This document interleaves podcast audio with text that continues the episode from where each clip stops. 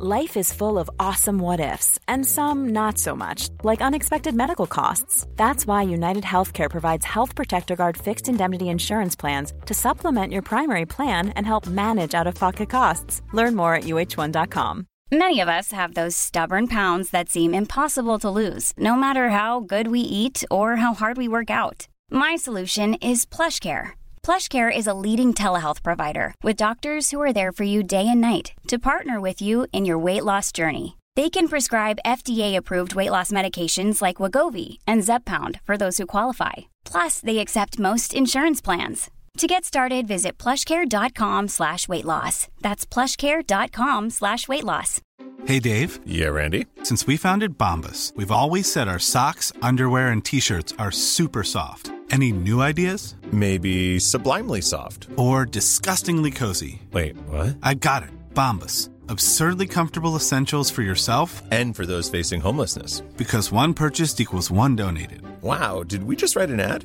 Yes. Bombas. Big comfort for everyone. Go to bombas.com slash ACAST and use code ACAST for 20% off your first purchase.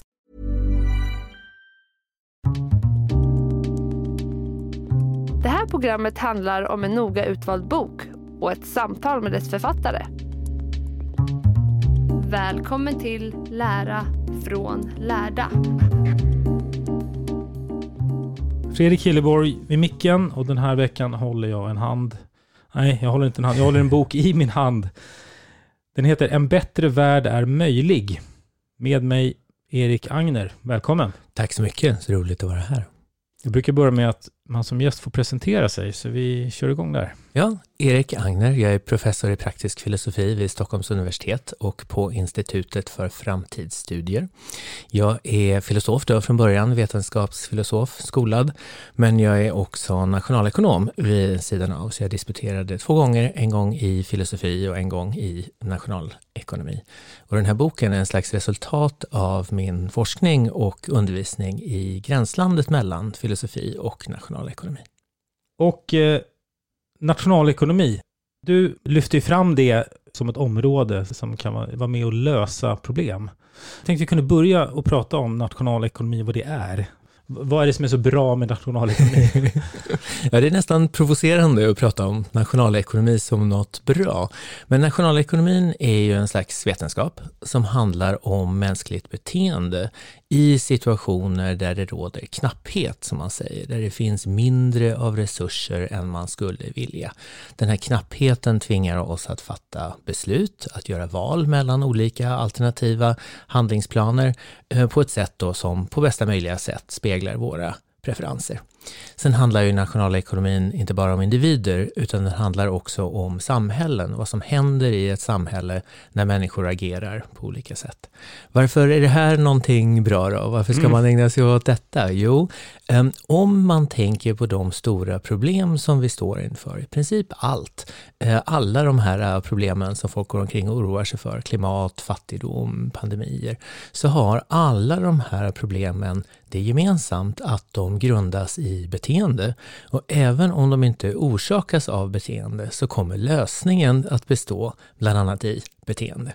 Så det här betyder att oavsett vilket problem vi oroas över, oavsett vilket problem vi försöker lösa, så kommer lösningen att ha att göra med beteende. Och då finns det en hel vetenskap som studerar detta, där vi har lärt oss en hel del om hur människor agerar under olika omständigheter och dessutom hur vi kan hjälpa människor att fatta bättre beslut i de fall då vi tycker att det är lämpligt. Mm.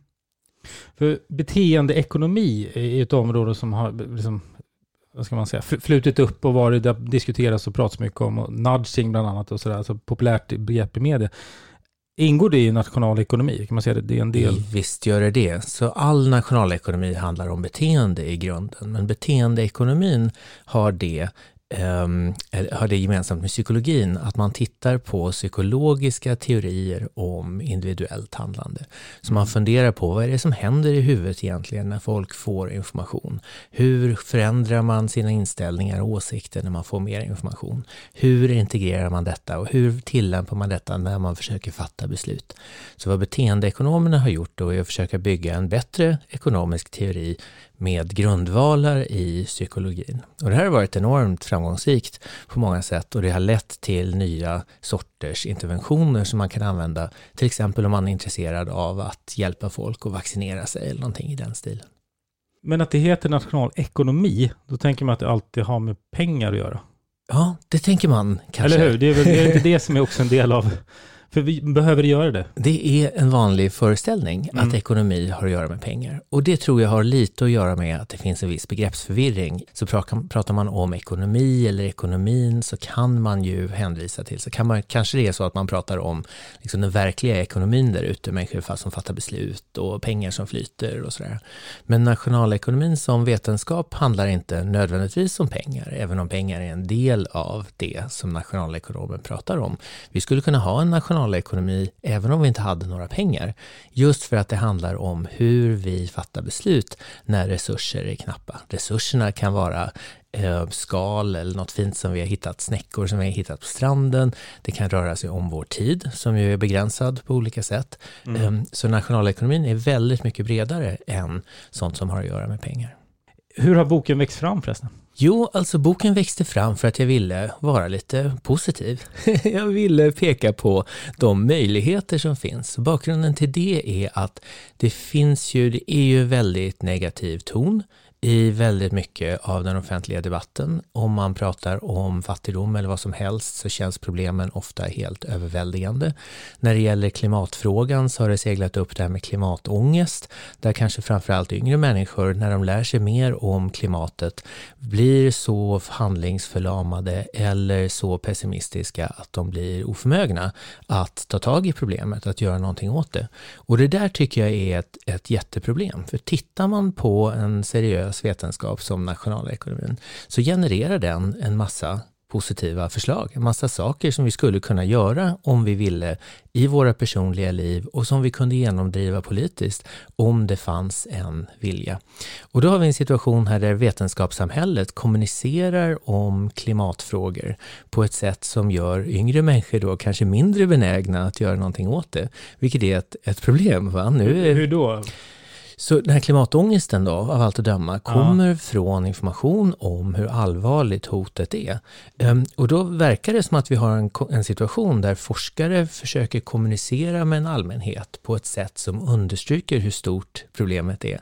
Och där mottagaren lyssnar på informationen och blir mindre benägen att göra någonting åt det. Det är ju paradoxalt och det är ett problem för att i den mån vi forskare då, vuxensamhället beter oss så här, så har vi blivit en del av problemet när vi måste vara en del av lösningen. Och då menar jag att en del av lösningen är, utan att underdriva eller problemets storlek eller sopar under mattan. Alltså ehm, lägga lite mer vikt vid vad vi faktiskt kan göra åt de här problemen.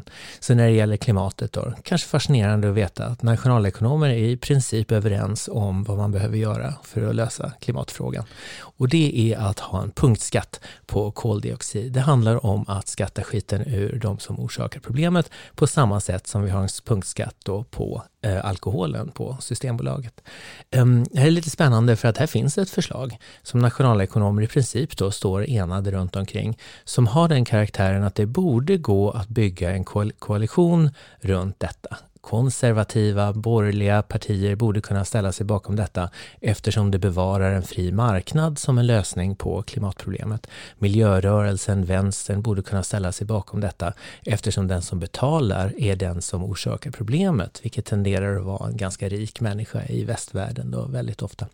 Så att än en gång, då, utan att, förneka att det finns ett liksom, jättestort problem, så tycker jag det är värt för oss i forskarsamhället och i vuxensamhället att peka på att det finns vägar framåt. Och vi kanske skulle prata lite mindre om hur stort problemet är och lite mer om hur vi ska bygga koalitioner bakom de här förslagen som har en vetenskaplig grund och som skulle kunna funka.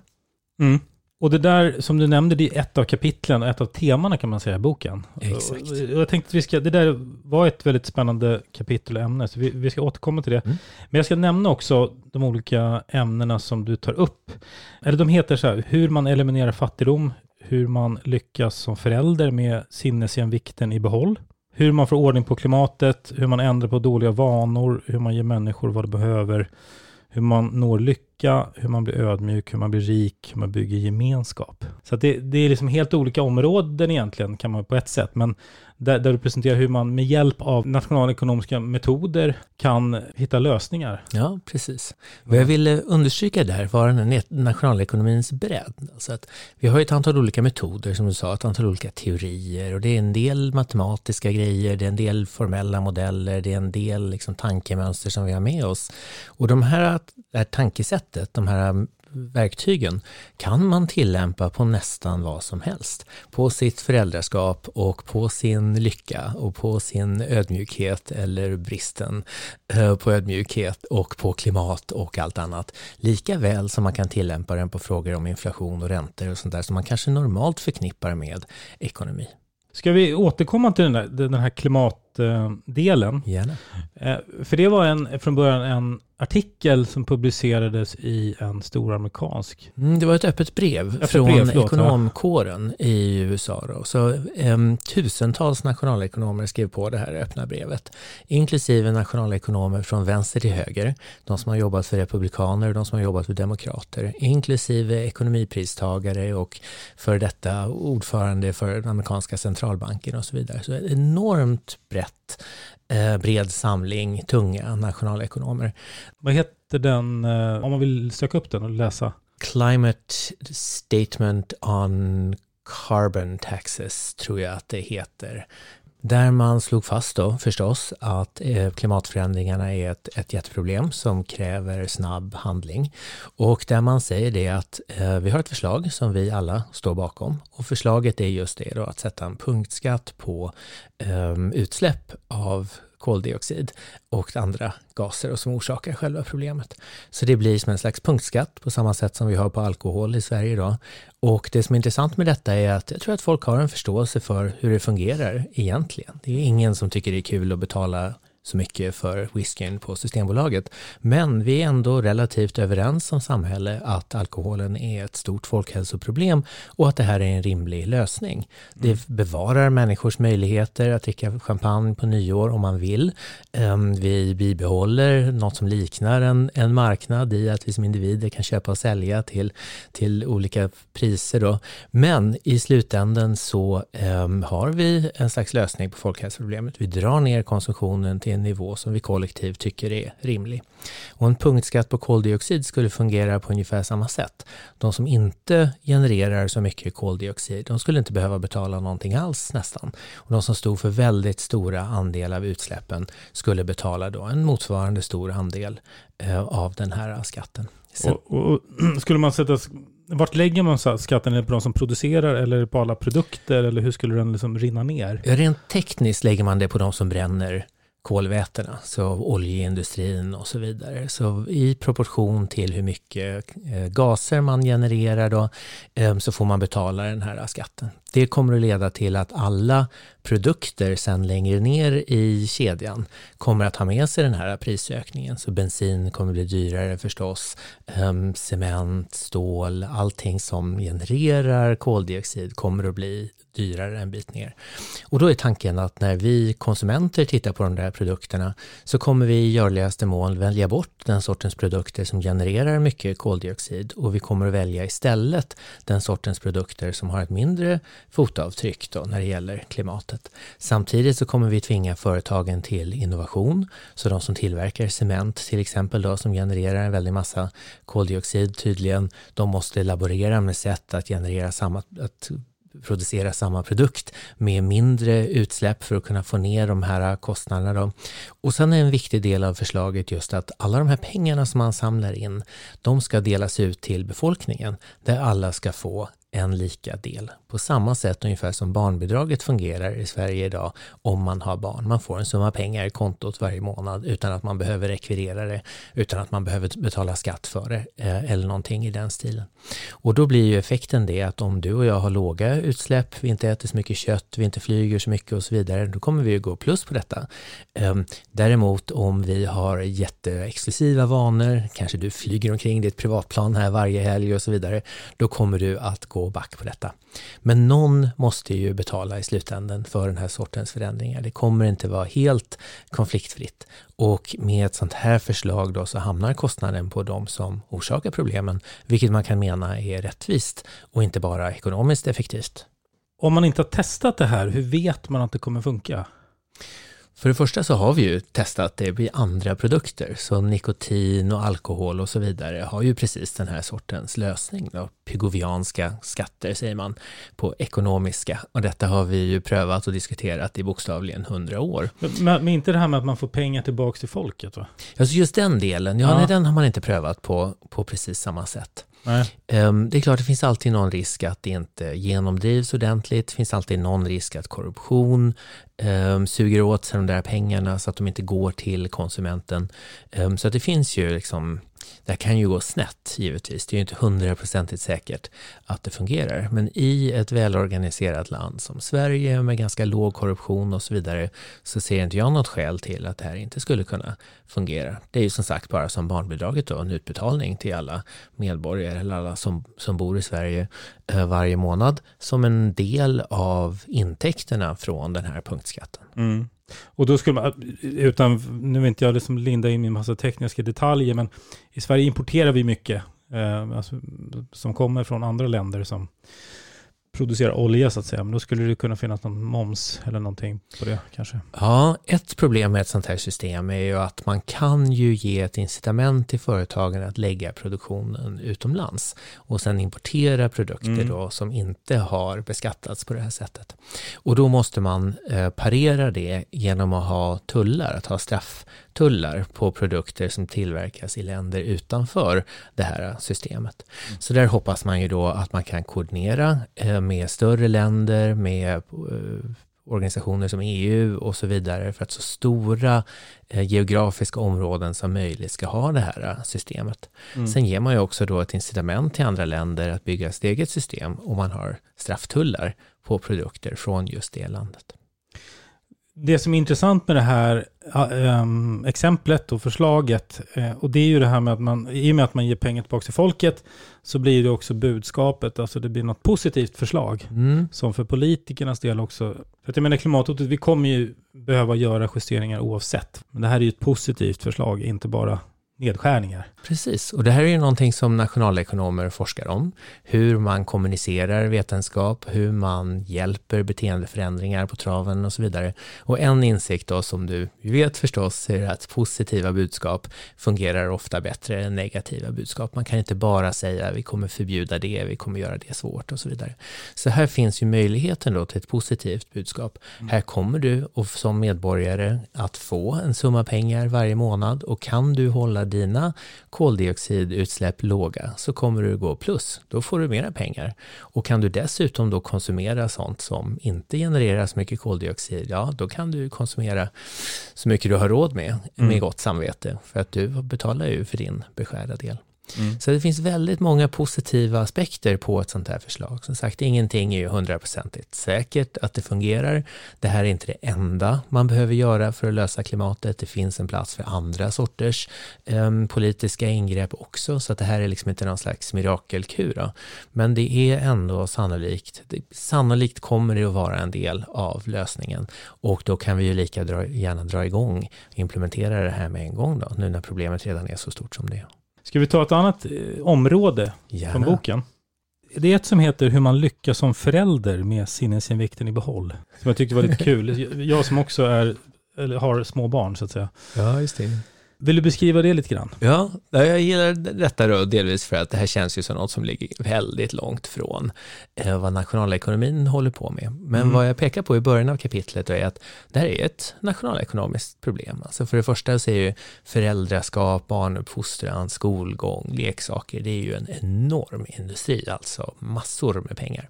Men eh, än mer relevant och i det här sammanhanget så handlar ju föräldraskap om att fatta ett antal olika beslut. Vi måste liksom väga, prioritera och eh, ja, fatta kloka beslut hela tiden om vår tid och hur vi uppfostrar våra barn, hur vi balanserar våra egna intressen gentemot våra barns intressen och så vidare. Sen säger jag ju ingenstans då att nationalekonomer är de enda som vet någonting om eh, barnuppfostran. Min poäng här är att nationalekonomin har någonting att bidra. Och då är frågan förstås, alltså, vad kan nationalekonomin bidra här? Och då är det flera olika saker. Ett är det här med Ehm, hur man läser och tolkar data. Det finns en väldig massa information om eh, barnuppfostran, vad som är riskfaktorer, vad som hjälper barn på traven och så vidare. Den där datan är ofta ganska svår att förstå. Ehm, det kan vara knepigt att ta reda på vad det är som är kausalitet, alltså vad det är som är orsakssamband och vad det är som bara är en korrelation. Och just det där är nationalekonomer synnerligen bra på. Det ingår i allas utbildning att, att tolka sånt där. Men äm, ännu viktigare kanske är det här att i grunden av nationalekonomin så finns en teori om rationella val som handlar om hur man ska fatta bästa möjliga beslut i ljuset av den information man har. Ehm, speciellt om man inte redan vet allt, vilket man ju inte gör om man är förälder. Så man är ju oändligt medveten om hur lite det är man vet egentligen när man står där med en liten bebis första gången. Um, så, så, där kan nationalekonomin um, prestera en hel del ganska goda råd om hur man ska bete sig som förälder, um, hur man ska prioritera då sin tid och sina resurser och sådär. I det här kapitlet så använder jag mig av arbetet från framförallt två nationalekonomer, Emily Oster som har fått en väldig massa följare på Instagram och annorstädes, han skrivit flera böcker om barnuppfostran, och Brian Kaplan, en nationalekonom som också har skrivit en bok just om, inte bara om hur man ska uppfostra sina barn, utan hur man ska göra det och förbli, liksom att ha sinnesfriden i behåll, som det står i boken. Nu tror jag man vill ha lite exempel. Ja, så om vi börjar med Brian Kaplan då, så har han tittat på eh, forskning från beteendegenetik som pekar på att i väldigt hög grad så gör det, så har det som vi gör för våra barn ganska liten effekt på utfallet, hur de blir som vuxna. Det finns också nationalekonomer som har tittat på hur man spenderar sina resurser, hur man stimulerar sina barn. Och generellt så är slutsatsen den att om man håller sig inom ramen för det normala, alltså om man ger barnen grundläggande mått av trygghet och eh, näring och utetid och vänskap, så man håller sig inom ramen för, säg någon slags medelklass, så, um, så är det som spelar störst roll för barnens utveckling var man bor någonstans. Så beslutet var man bor någonstans är väldigt viktigt. Men sen så är den delen av verkligheten som man själv kan reglera har ganska liten effekt. Så många föräldrar um, vill, känner att barnen måste spela fiol, de måste ha extra lektioner i läsning eller skrivning, de måste spela fotboll, de måste eh, hålla på med alla olika aktiviteter det måste vara scouter och de måste spela schack och så vidare. Och allt detta kan vara kul och värdefullt, eh, både för barnen och föräldrarna då i, i många fall. Men vad Kaplan pekar på är att många människor stressar ihjäl sig genom att köra barnen från det ena till det andra. De lägger enorma summor pengar på utrustning för att spela hockey eller skidor eller kan, vad det kan vara, ehm, på ett sätt som inte gör barnen så väldigt glada alla gånger.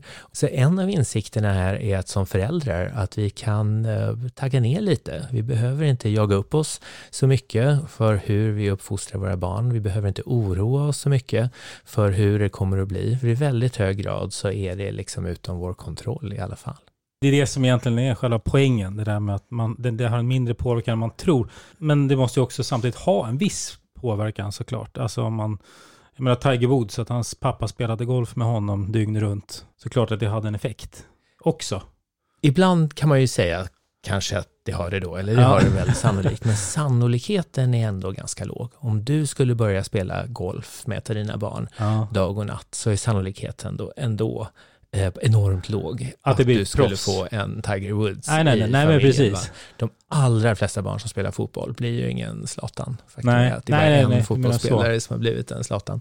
Sen kan ju verksamheten kan ju vara värdefull. Eh, det är ju jätteviktigt att komma ut ibland, röra på sig och så vidare. Allt detta är ju bra. Jag säger inte att det är då, att det är dåligt att ägna sig åt sånt här.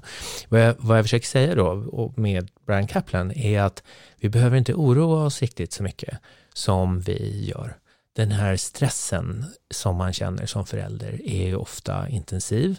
Man känner ofta ett viss, en viss press, kanske från omvärlden. Om man bor i ett stadigt medelklassområde så håller folk på med en oändlig massa aktiviteter. Man kan känna sig underlägen, underlägsen.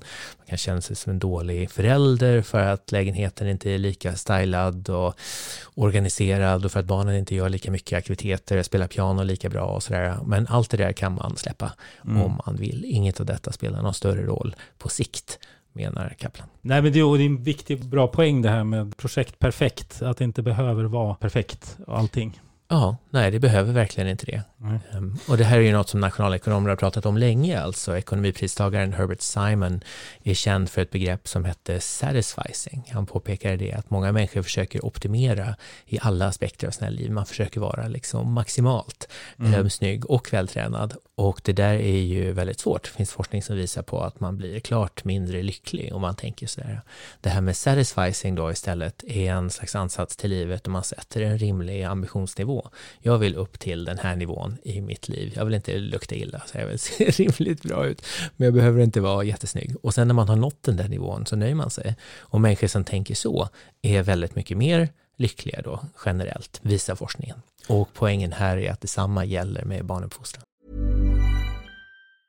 Life is full of awesome what ifs, and some not so much, like unexpected medical costs. That's why United Healthcare provides Health Protector Guard fixed indemnity insurance plans to supplement your primary plan and help manage out of pocket costs. Learn more at uh1.com. Hiring for your small business? If you're not looking for professionals on LinkedIn, you're looking in the wrong place. That's like looking for your car keys in a fish tank. LinkedIn helps you hire professionals you can't find anywhere else, even those who aren't actively searching for a new job but might be open to the perfect role. In a given month, over 70% of LinkedIn users don't even visit other leading job sites. So start looking in the right place. With LinkedIn, you can hire professionals like a professional. Post your free job on linkedin.com slash people today. Hey, it's Ryan Reynolds, and I'm here with Keith, co-star of my upcoming film, If, only in theaters May 17th. Do you want to tell people the big news? All right, I'll do it. Sign up now and you'll get unlimited for $15 a month in six months of Paramount Plus Essential Plan on us. Mintmobile.com slash switch. Upfront payment of $45 equivalent to $15 per month. Unlimited over 40 gigabytes per month. Face lower speeds. Videos at 480p. Active Mint customers by 531.24 get six months of Paramount Plus Essential Plan. Auto renews after six months. Offer ends May 31st, 2024. Separate Paramount Plus registration required. Terms and conditions apply if rated PG. Och nu slidade du över till ett annat kapitel där. Det där är mm. ett intressant kapitel som handlar om hur man når lycka då. Lyckoforskning har ju också fått ett uppsving måste jag säga, ja. medialt. Det är sant. Eh, nu är ju inte lyckoforskningen ny alls. Bland psykologer så har folk hållit på med detta i bokstavligen hundra år. Och nationalekonomer har hållit på med det i alla fall sedan början av 70-talet. Så det här är ju 50 år gammal forskning. Sen har ju inte alla frågor är ju inte besvarade och forskningen pågår ju, så att det kan ju visa sig då att en del av detta inte är sant. Men det finns ändå en hel del forskning som pekar i en ganska entydig riktning om man vill bli lyckligare. Och en av de riktningarna då är att man inte ska ha för höga ambitioner, förväntningar, aspirationer och så vidare. Så, så om du skulle ge mig praktiskt tips, hur ska jag tänka då? Vad ska jag göra annorlunda? Ja, fundera på vad du vill uppnå i de olika, med dina olika projekt i olika delar av livet. Säg att du vill springa ett maratonlopp. Säg att du aldrig har sprungit ett maratonlopp förut och så vill du göra det. Ja, ehm, då gäller det att inte sätta för höga Ehm, krav på dig själv. Om du har förväntningen att du ska springa det där maratonloppet om tre månader och jättesnabbt så är sannolikheten hög att du kommer att misslyckas och kanske skada dig i processen. Om du um, sätter som ambition istället att du ska springa om ett år och enda målet är att göra bättre ifrån dig än den ursprungliga maratonlöparen, han som dog på mållinjen alltså, då har du mycket högre sannolikhet att nå ditt mål och det är mer sannolikt att du kommer att bli lycklig. Så den generella teorin bakom detta är att lyckan inte bara är en funktion av vad vi uppnår i livet, hur mycket vi tjänar, vilka relationer vi har, hur bra ifrån oss vi gör oss eh, i olika sammanhang, utan att lyckan är en funktion av liksom skillnaden mellan utfallet och förväntningen.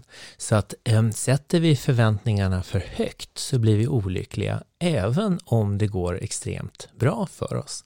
Och detta kan vara en del av förklaringen till att vi inte blir så mycket lyckligare över tid. Så tittar man på ett rikt land som Sverige, när eh, decennierna går, vi blir rikare och rikare, tillväxten tuffar på, så blir vi inte så mycket lyckligare över tid som man kanske skulle kunna tro att vi borde bli. Och förklaringen där då, eller standardförklaringen i litteraturen är det här att vart efter vi blir rikare och rikare, vart efter vi får mer och mer, så sätter vi ambitionsnivån högre och högre. Den som bor i en liten studentlägenhet skulle vilja ha en etta, den som bor i en etta vill ha en tvåa och så vidare. Och vart efter vi gör bostadskarriär, kanske flyttar till större och större lägenheter, så höjer vi kraven på vad vi skulle vilja uppnå. Och då känner vi oss alltid lite missnöjda och så blir vi en sån där mycket vill ha mer och så vidare när vi skulle kunna vara mycket gladare om vi behöll de lite mera rimliga ambitionsnivåer som vi hade från början. Och du beskriver det som att man hellre satsar på nöje än njutning. Mm.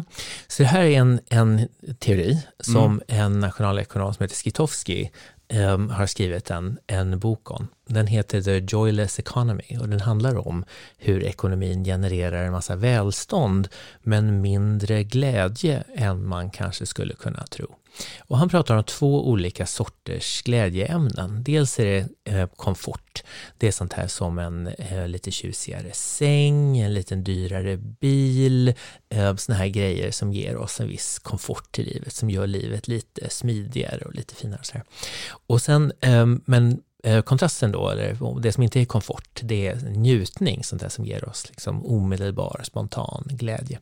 Och teorin här är att komfort är någonting som vi anpassar oss till ganska fort. Om du lägger jättemycket pengar på en ny snygg bil så kommer det att ge dig glädje. Men under en ganska kort period, några veckor går, så kör du den där bilen och du är så nöjd för att du sitter så skönt i sätet och så vidare. Va? Ljudet är så, så vackert och så här.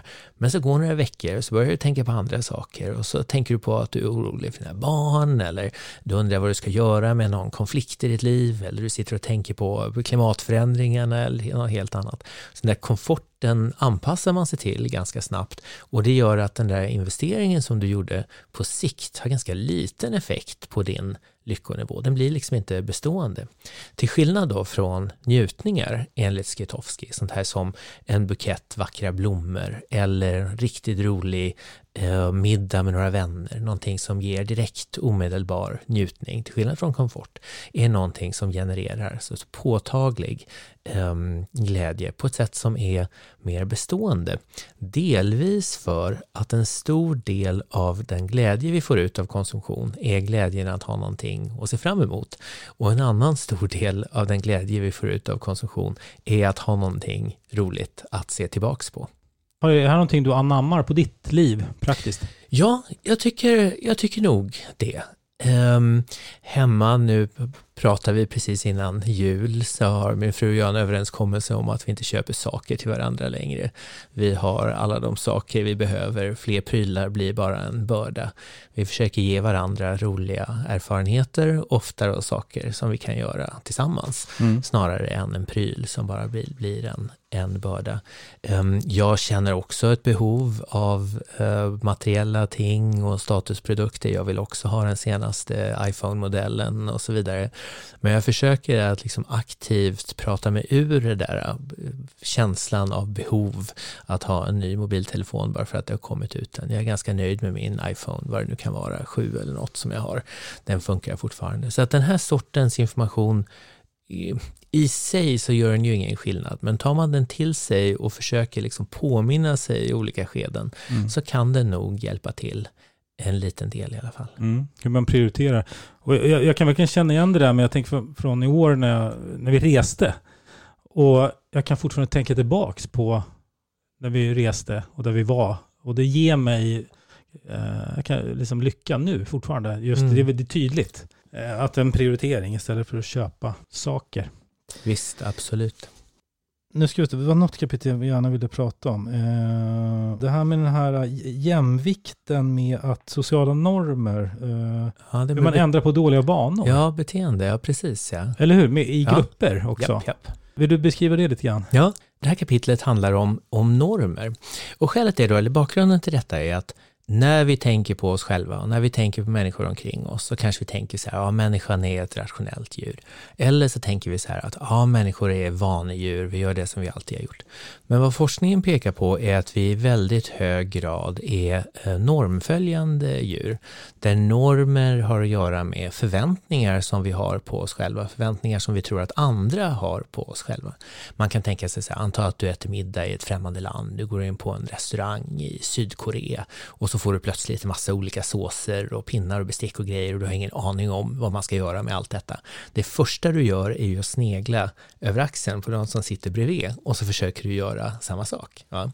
Och det där obehaget som man känner när man inte vet vad man ska göra med alla besticken och såserna, det är just den här kraften av sociala normer, känslan av att här finns det en norm som jag inte känner till och nu riskerar jag att bryta mot den.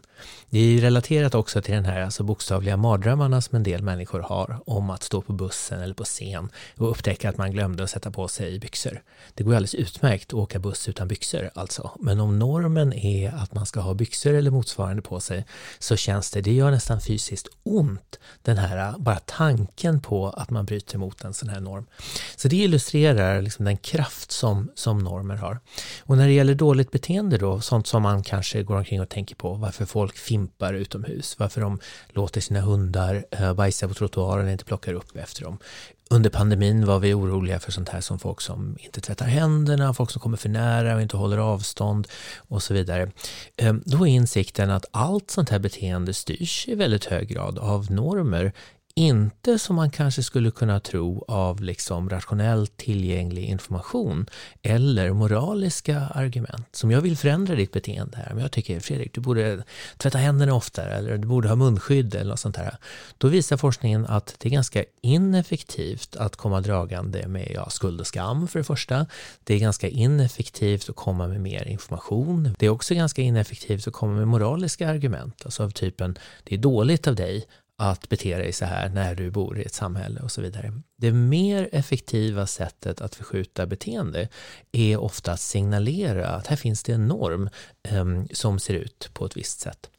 Um, sen är ju normerna då kollektiva uh, fenomen. Ehm, I Sverige hade vi aldrig riktigt någon norm om att ha munskydd på sig. Då känns det väldigt konstigt. Man klev på bussen och var den enda som hade munskydd. Va? Då känner man sig lite, eh, ja, känns lite märkligt. Å andra sidan på andra ställen då fanns det en norm som sa att, en väldigt stark norm som sa att man skulle ha munskydd när man kliver på bussen. Om man inte har munskydd då så känns det ju ännu värre. Va? Då känner man sig ju direkt oansvarig. Så vill man förskjuta beteenden här så är knepet att etablera en slags norm om det korrekta beteendet i ett visst sammanhang. Ehm, och det är så man ska tänka då om man vill liksom förändra beteende. Sen pratar jag om en eh, nationalekonom och filosof som heter Kristina Bikering som har arbetat just med detta och som har genererat teorin som jag beskriver. Hon har jobbat med FNs utvecklingsorgan UNDP i olika delar av världen med eh, fenomen som eh, kvinnlig omskärelse och den sortens eh, beteende. Då. Hedersmord faller inom ramen för den här sortens eh, beteende. Så även sådana här liksom enormt etablerade traditioner som går tillbaka väldigt lång tid kan man förskjuta eh, med hjälp av det här normtänket. Mm. Så låt säga att man är, om man är chef eller lärare kanske, hur kan man tänka rent praktiskt och taktiskt med, med, om man vet om att det fungerar så här? Knepet med normer är att man måste förskjuta allas beteende samtidigt. Så det låter paradoxalt, men det bästa sättet att förändra ditt beteende är att förändra alla andras beteende. För i samma ögonblick som de andra börjar göra någonting lite annorlunda så ökar sannolikheten att du kommer göra det också. Sen finns det ju inga eh, magiska trollspön alltså i det här eh, området. Men det finns ett antal olika knep som man kan använda sig av om man vill förskjuta beteende. Då. Och en sån sak har att göra med att peka på människors förväntningar. Att inte bara säga ehm, du måste diska efter dig när du har ätit upp din lunch eller du har druckit klart ditt kaffe eller något sånt här, utan att säga vi förväntar oss av dig att du kommer att göra på det här sättet. Just de här förväntningarna är en viktig del av normernas natur och ska man jobba på någonting så är det de här förväntningarna man ska jobba med. På den här arbetsplatsen så ställer man in sin egen disk i diskmaskinen, vad det nu kan vara. Ja, och det är förväntningarna som, Mm. som styr det. Sen Mm. vet jag inte, det här är ingen vetenskaplig insikt alls, men under pandemin så stödde jag mig på att folk stod för nära i kö. Om man står i kö till bussen eller någonting så finns det ju sällan anledning att stå och andas någon i nacken. Va? Um, och då kan man ju reagera på lite olika sätt. Jag vet, inte, en del vände sig om och snäste och sådär. Men jag anammade en liten eh, grej som jag tyckte funkade bra. Och det var så att säga så här, kan inte du ställa dig lite längre bak, så där som vi gör nu? Eller kan du inte hålla lite mer avstånd, så där som vi har börjat göra nu under pandemin? Och jag tyckte nog ändå att den, det sättet att leverera uppmaningen och säga nu gör vi så här, em, kändes lite mindre konfliktbenägen och mottogs lite bättre än den här eh, uppmaningen att göra någonting annorlunda. Mm. Vi kommer inte hinna prata om alla, men har du någon, någon annat område, kapitel från boken som du vill hinna ta upp? Alltså jag tycker ju alla kapitlen här är ju mina bebisar. Men ehm, vi kanske kan prata om det här sista, det som handlar om institutioner. Där pratar jag om en ekonomipristagare, första kvinnliga ekonomipristagaren Elinor Ostrom, amerikansk ekonom, statsvetare, som var intresserad av resurser. Hur det kommer sig att en del samhällen slösar på resurser, gör slut på dem, utarmar marken, förstör fiskbeståndet och så vidare. Samtidigt som andra kulturer på andra platser ehm, klarar av att dela på brunnar och regnvatten och fiskbestånd och så vidare. Det här är ju en jättestor grej. Alltså klimatet är ju en gemensam resurs i någon bemärkelse och sånt här som torsken i Östersjön. Mm. Under vår livstid så fanns det massor med torsk i Östersjön. Nu är den nästan slut. Och det är klart att det finns flera skäl till något sånt, men ett skäl är ju att det har funnits så mycket fiskare i och runt Östersjön att alla har fiskat på. Eh, Fast att de måste ju ha insett att en Östersjö utan torsk skulle vara sämre för de fiskarna, så hade alla ändå något slags incitament att fortsätta fiska. Och eh, Oströms centrala insikt då är att för att hantera den här sortens situationer så behöver man institutioner. Där institutioner är en slags regler, eh, regelverk som människor anammar för att styra sitt beteende. Och om de här reglerna, de här institutionerna byggs på rätt sätt så behöver de inte kännas som ett påbud från ovan. Det kan vara någonting som man faktiskt vill följa eftersom man inser att den här institutionen värnar någonting som man bryr sig om. Och en sak som jag tycker är spännande med den här analysen är att Ehm, den landar någonstans som ändå känns ganska fräsch och ganska ovanlig. Ehm, Oström menar inte att det är individen som ska lösa alla problem. Den här sortens problem är för svåra för individen, alltså att lösa på egen hand. Men hon säger heller inte att det är liksom nationen nödvändigtvis som ska lösa den. Ofta så kan problem lösas av människor som lever i grupp på en lite mindre en lite mindre skala än på nationsnivån. Hon säger inte heller riktigt att det är staten som ska lösa alla problem, för en sortens institutioner hon pratar om kan vara fackföreningar eller branschorganisationer eller nästan vad som helst, alltså som är fristående från, från staten. Men det är inte heller riktigt marknaden som levererar de här lösningarna. Man förlitar sig inte på utbud och efterfrågan och sånt här. Så hon tecknar i slutändan en bild av ett framgångsrikt samhälle, ett hållbart samhälle, som en slags lapptäcke av institutioner som verkar på olika nivå beroende på vad det är man är, man är ute efter. Som slutar med en slags politisk filosofi, alltså en vision av ett positivt, hållbart samhälle där människors välfärd värnas och så vidare. På ett sätt som jag tycker är extremt tilltalande. Mm. Och det här, med, det här exemplet med fiske, för man tänker då, alltså i Östersjön så fungerar, alltså alla, roff, alla fiskare roffar åt sig, alla båtar liksom, fiskar ur så mycket som möjligt. För sin egen skull så att säga. Man, Ja, man- det är en stor del.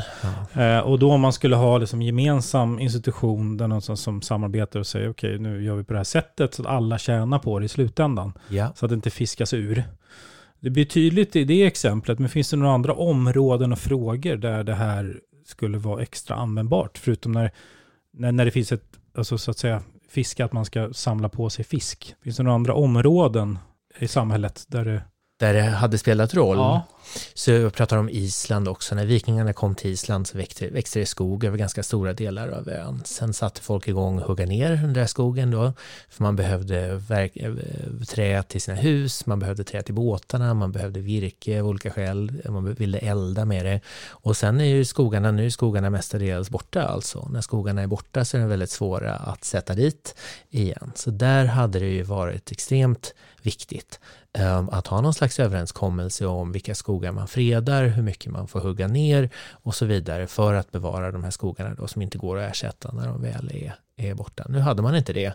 Ehm, de tidiga islänningarna hade ju andra former av institutioner som fungerade väldigt bra. De hade ju rättsskapande institutioner, de hade ju ting och sånt här som de utarbetade mm. som verkar ha fungerat, vad jag vet, väldigt effektivt på många sätt för att bygga en demokrati på en plats där det tidigare inte bodde någon alls. Men det här med skogen klarar de inte av att hantera, fast att de måste ha insett att de skulle, att det skulle vara mycket sämre att inte ha någon skog kvar. Så det är just när, när det finns en typ av resurs som håller på att ta slut, alltså någonstans som man måste komma överens om. Precis, och den där resursen behöver inte vara liksom en materiell resurs. Det kan vara någonting som tillit till exempel.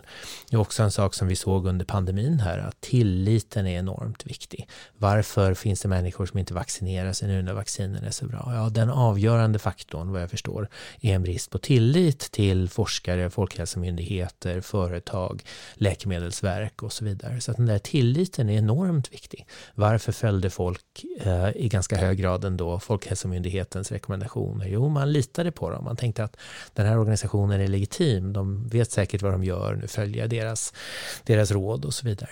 Så tillit är en sån här ett gemensam resurs som vi måste bevara om vi vill ha den kvar. Den är enormt viktig för att samhället ska fungera, för vår förmåga att hantera framtida kriser och sånt där. Mm. Och då tror jag att Oströms Eh, perspektiv på detta är värdefullt. Vi behöver institutioner som bevarar den tillit som finns i samhället och det betyder att vi måste ha mekanismer för att sortera bort de individer som, som förstör den här tilliten. Ehm, läkare och andra som är oärliga, som sådana här Macchiarini-typer. Vi måste ha metoder för att sortera bort dem. Forskare som är oseriösa, som far med osanning och så vidare. De måste liksom sorteras bort. Och de som finns kvar då måste liksom uttala sig på ett ansvarsfullt, ansvarstagande sätt mm. um, på sikt. Så det är ett, just det här att fokusera på saker som tillit som en gemensam resurs som måste aktivt bevaras för att vårt samhälle ska fungera Eh, i fredstid men även i, i kris. Alltså det tror jag är jätteviktigt. Mm. Sista frågan. Förutom att läsa boken, har du någon rekommendation du vill skicka med till de som lyssnar? Jag skrev ju den här boken för jag känner att det inte fanns någonting i den här kategorin riktigt. Ehm, så som praktiserande nationalekonom så alltså rör jag mig i kretsar där folk håller på med jättespännande forskning som jag vet liksom aldrig kommer ut till en bredare allmänhet men som folk skulle tycka är intressant och skulle kunna dra nytta av. Ehm, så jag ville verkligen fylla det tomrummet där. Ehm, vad skulle jag rekommendera annars? Slå, slå ett slag för, ämn, för om, heter det, ämnesområdet. Ja, just det. Mycket nationalekonomi är ju ganska tråkig alltså. Väldigt mycket är ju svårtillgängligt. Så att det är inte bara liksom allmänhetens fel att mycket av detta är okänt. En stor del av, av skulden får vi bära, vi nationalekonomer alltså som profession, för att vi har varit så dåliga på att förklara vad vi håller på med. Och nu lever vi i en tid med allmänt kunskapsförakt och sån här vetenskapsresistens och sånt där. Så nu finns det ju hinder som, måste, eh, som vi måste över på något vis. Och vi har verkligen inte rustat oss för det här ögonblicket. Om jag får säga någonting så är det väl, det finns ju en väldig massa bra poddar. Nu säger jag inte det bara för att jag är här och pratar med dig, Fredrik. Men det finns ju en väldigt massa bra poddar. Så nästan oavsett vad man är intresserad av så kan man ju söka och hitta en podd om just det. Det enda jag vill varna för är folk som kallar sig nationalekonomer men som inte är det. Det finns um, charlataner och uh, lurendrejare här och var. Um, men en sak med, med boken, även om folk kanske inte är intresserade eller inte orkar läsa hela boken, så finns det um, rekommendationer i varje kapitel om de specifika ämnen som man kan vara intresserad av. Och det finns ett antal olika namn som man kan söka på, som man kan höra folk på poddar och så, och så vidare. Mm. Ja, den är ju lättillgänglig, och, så jag rekommenderar att läsa den. Ja, vad kul. Ja, det gläder mig. Om man lyssnar på det här och vill ställa någon, vill ställa någon fråga till dig, var hittar man dig lättast? Nu för tiden hittar man mig på Blue Sky. Det Vad är det? eh, ja, det är väl det nya alternativet till det som hette Twitter förut, eller X.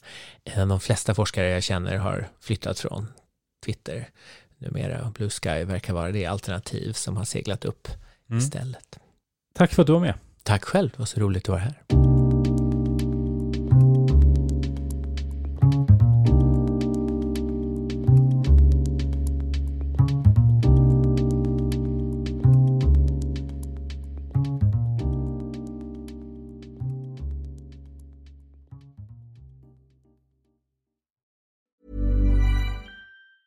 Hi, I'm Daniel, founder of Pretty Litter. Did you know cats tend to hide symptoms of sickness and pain? I learned this the hard way after losing my cat, Gingy. So I created Pretty Litter, a health monitoring litter that helps detect early signs of illness by changing colors, saving you money and potentially your cat's life. Pretty Litter is veterinarian developed, and it's the easiest way to keep tabs on your fur baby's health right at home. Go to prettylitter.com and use code ACAST for 20% off your first order and a free cat toy. Terms and conditions apply. See site for details. Even when we're on a budget, we still deserve nice things.